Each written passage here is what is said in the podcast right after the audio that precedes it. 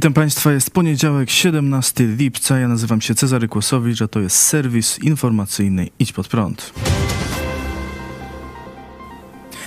Wszystkie partie szykują się dopiero do wyborów parlamentarnych, ale jest ktoś, kto patrzy dalej naprzód i już ogłosił, że będzie kandydował w wyborach prezydenckich, a nawet ruszył w trasę, by porozmawiać z Polakami o wolności. Paweł Chojecki, protestancki pastor, redaktor naczelny telewizji pod prąd, po kuriozalnym wyroku lubelskiego sądu dotyczącym wolności słowa i religii, ogłosił, że tak dłużej w Polsce być nie może i dlatego kandyduje na prezydenta. Mogę już jasno powiedzieć, idziemy po wolność. Ten ruch, który został, można powiedzieć, wywołany przez ten proces, ruch idziemy po wolność, ma jasny cel zmienić Polskę.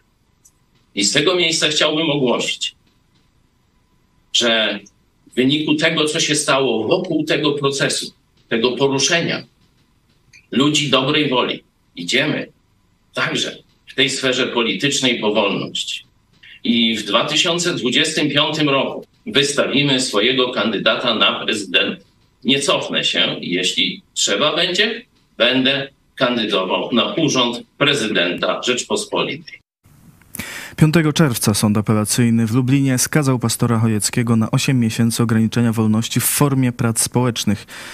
Prokuratura zarzucała mu m.in. obrazę uczuć religijnych katolików i znieważenie prezydenta oraz obrazę narodu.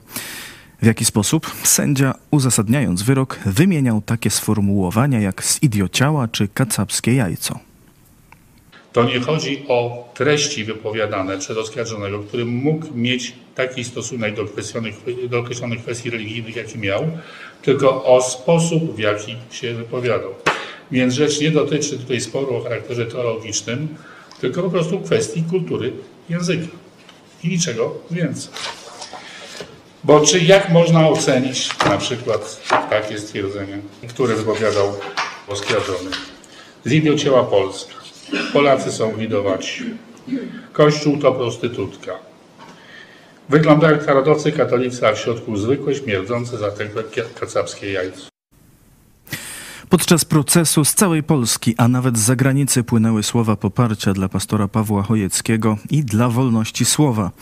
Wiele osób podczas rozpraw manifestowało przed budynkiem sądu w obronie wolności słowa. Wśród świadków było kilku pastorów, a nawet były ksiądz. Sądu jednak nie przekonali, chociaż sędzia przyznał, że Paweł Chojecki opinię ma kryształową. Sąd dołączył sobie aktualne dane o karalności, aktualny wywiad środowiskowy oskarżonego. Oczywiście nie był karany, w miejscu zamieszkania ma opinię no, kryształową. To dużo mówić, tak kurator napisał.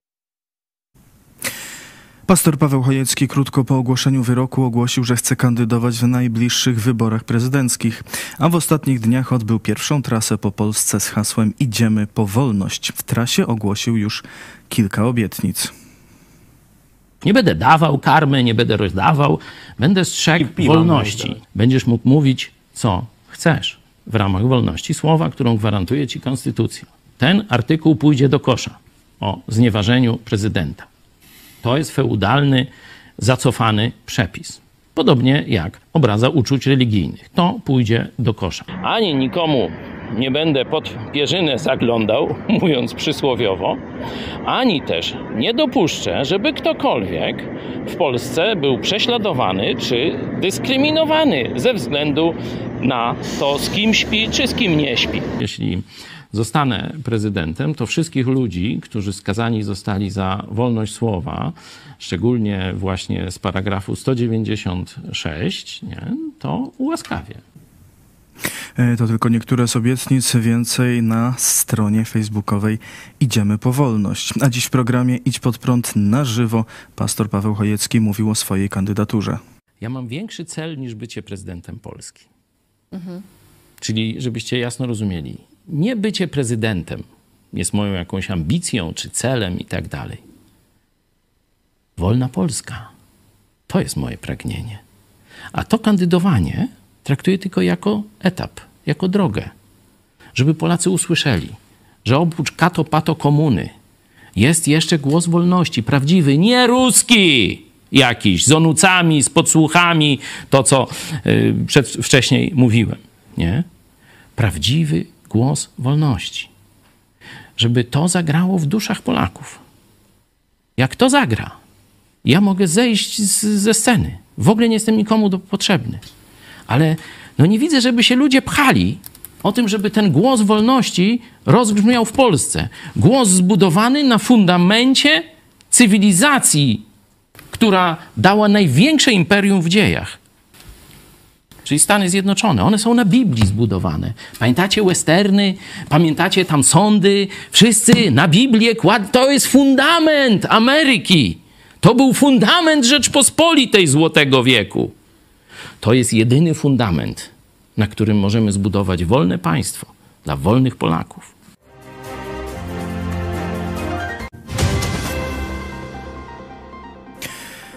Wczoraj w restauracji w Poznaniu doszło do zabójstwa. Po godzinie 17 w ogródku restauracji jednego z hoteli przy ulicy Święty Marcin napastnik zastrzelił mężczyznę, a potem popełnił samobójstwo. Jak widać na udostępnionych w internecie nagraniach, zabójca po pierwszym strzale z pistoletu, gdy ofiara leżała na ziemi, chodził wokół, szarpał się z kobietą, która towarzyszyła zabitemu i błagała o pomoc. Potem napastnik jeszcze raz strzelił do leżącego, następnie zdjął czapkę i strzelił sobie w głowę. Jak się okazało, zabójca to Mikołaj B., były chłopak kobiety, która towarzyszyła ofierze, Konradowi D para niedawno się zaręczyła. Młodszy inspektor Andrzej Borowiak z Wielkopolskiej Policji przekazał: W tle mamy wątek miłosny, zazdrość i kobietę. Nie były to porachunki o charakterze kryminalnym. Sprawa jest już wykorzystywana w internecie do dyskusji o ograniczeniu dostępu do broni. Napastnik posiadał broń legalnie. Od kilku lat pracował w Wielkopolskim Urzędzie Wojewódzkim. Jak podaje Wirtualna Polska, Policja rok temu e, cofnęła pozwolenie e, na broń Mikołajowi B w związku ze zgłoszeniem na temat stanu zdrowia. Mężczyzna jednak odwołał się od tej decyzji i otrzymał broń z powrotem. Zarówno napastnik, jak i ofiara działali w przeszłości politycznie w środowisku konserwatywno-liberalnym. Napoje energetyczne będą dostępne tylko dla pełnoletnich. W czwartek Sejm przyjął nowelizację ustawy o zdrowiu publicznym, która ogranicza dostępność tzw. Tak energetyków. Według nowych regulacji, które mają wejść w życie od 1 stycznia przyszłego roku, napojów energetycznych nie będzie można sprzedawać osobom poniżej 18 roku życia. Ponadto sprzedaż energetyków będzie całkowicie zakazana w placówkach oświatowych i w automatach. Napoje, o które chodzi w ustawie, to środki spożywcze zawierające w swoim składzie kofeinę w proporcji przewyższającej 150 mg na litr lub taurynę, z wyłączeniem substancji występujących w ich składzie naturalnie. Wprowadzenie ograniczeń ma związek z doniesieniami o szkodliwości kofeiny i tauryny dla młodych ludzi.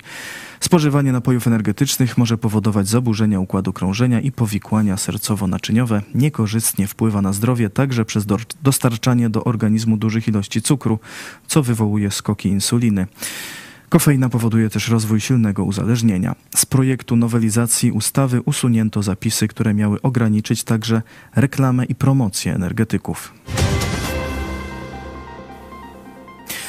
Dziś w nocy doszło do uszkodzenia mostu krymskiego. Uszkodzona jest drogowa część mostu, przez który Rosjanie transportują na Krym swoich żołnierzy i sprzęt. Łączy on okupowany przez Rosjan Półwysep Krymski z terytorium Rosji nad cieśniną kerczeńską.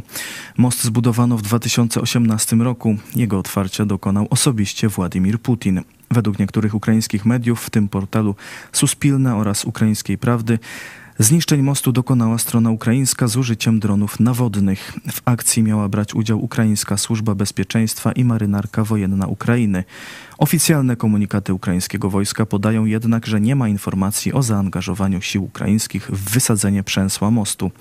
Sugerowana jest także możliwość rosyjskiej prowokacji. Rosja nie przedłużyła umowy zbożowej. Umowa, która umożliwiła bezpieczny transport ukraińskiego zboża i nawozów przez Morze Czarne, została zawarta w lipcu ubiegłego roku przez Ukrainę, Rosję, Turcję oraz ONZ. Ostatnie przedłużenie umowy wygasa dzisiaj. Rosja sprzeciwiła się kolejnemu przedłużeniu, uzasadniając to brakiem spełnienia rosyjskich żądań w zakresie eksportu zbóż i nawozów. ONZ wskazuje, że dotychczasowe funkcjonowanie umowy pozwoliło na obniżenie o ponad 20% cen żywności na całym świecie. Boże Narodzenie w grudniu zamiast w styczniu. Ukraiński parlament przyjął ustawę, zgodnie z którą Boże Narodzenie będzie obchodzone według kalendarza gregoriańskiego, czyli 25 grudnia, a nie 7 stycznia, jak to było do tej pory. Ustawa została zgłoszona przez prezydenta Wołodymyra Załęskiego. Oprócz daty Bożego Narodzenia zmieni się termin kilku innych świąt państwowych. Zmiany wprowadzono w ślad za ukraińskim kościołem grecko-katolickim, który już w lutym tego roku ogłosił, że od 1 września nastąpi odejście w liturgii od kalendarza juliańskiego, kojarzonego z rosyjskim prawosławiem i święta stałe będą miały nowe terminy. Na przyspieszenie decyzji o wprowadzeniu zmian w kalendarzu świąt wpłynęła inwazja Rosji na Ukrainę. To wszystko w tym wydaniu serwisu. Jeszcze dziś w telewizji Idź Pod Prąd o 18 pastor Josh Laxton. Więcej niż zwycięzcy. A kolejny serwis jutro o 17. Zapraszam. Do zobaczenia.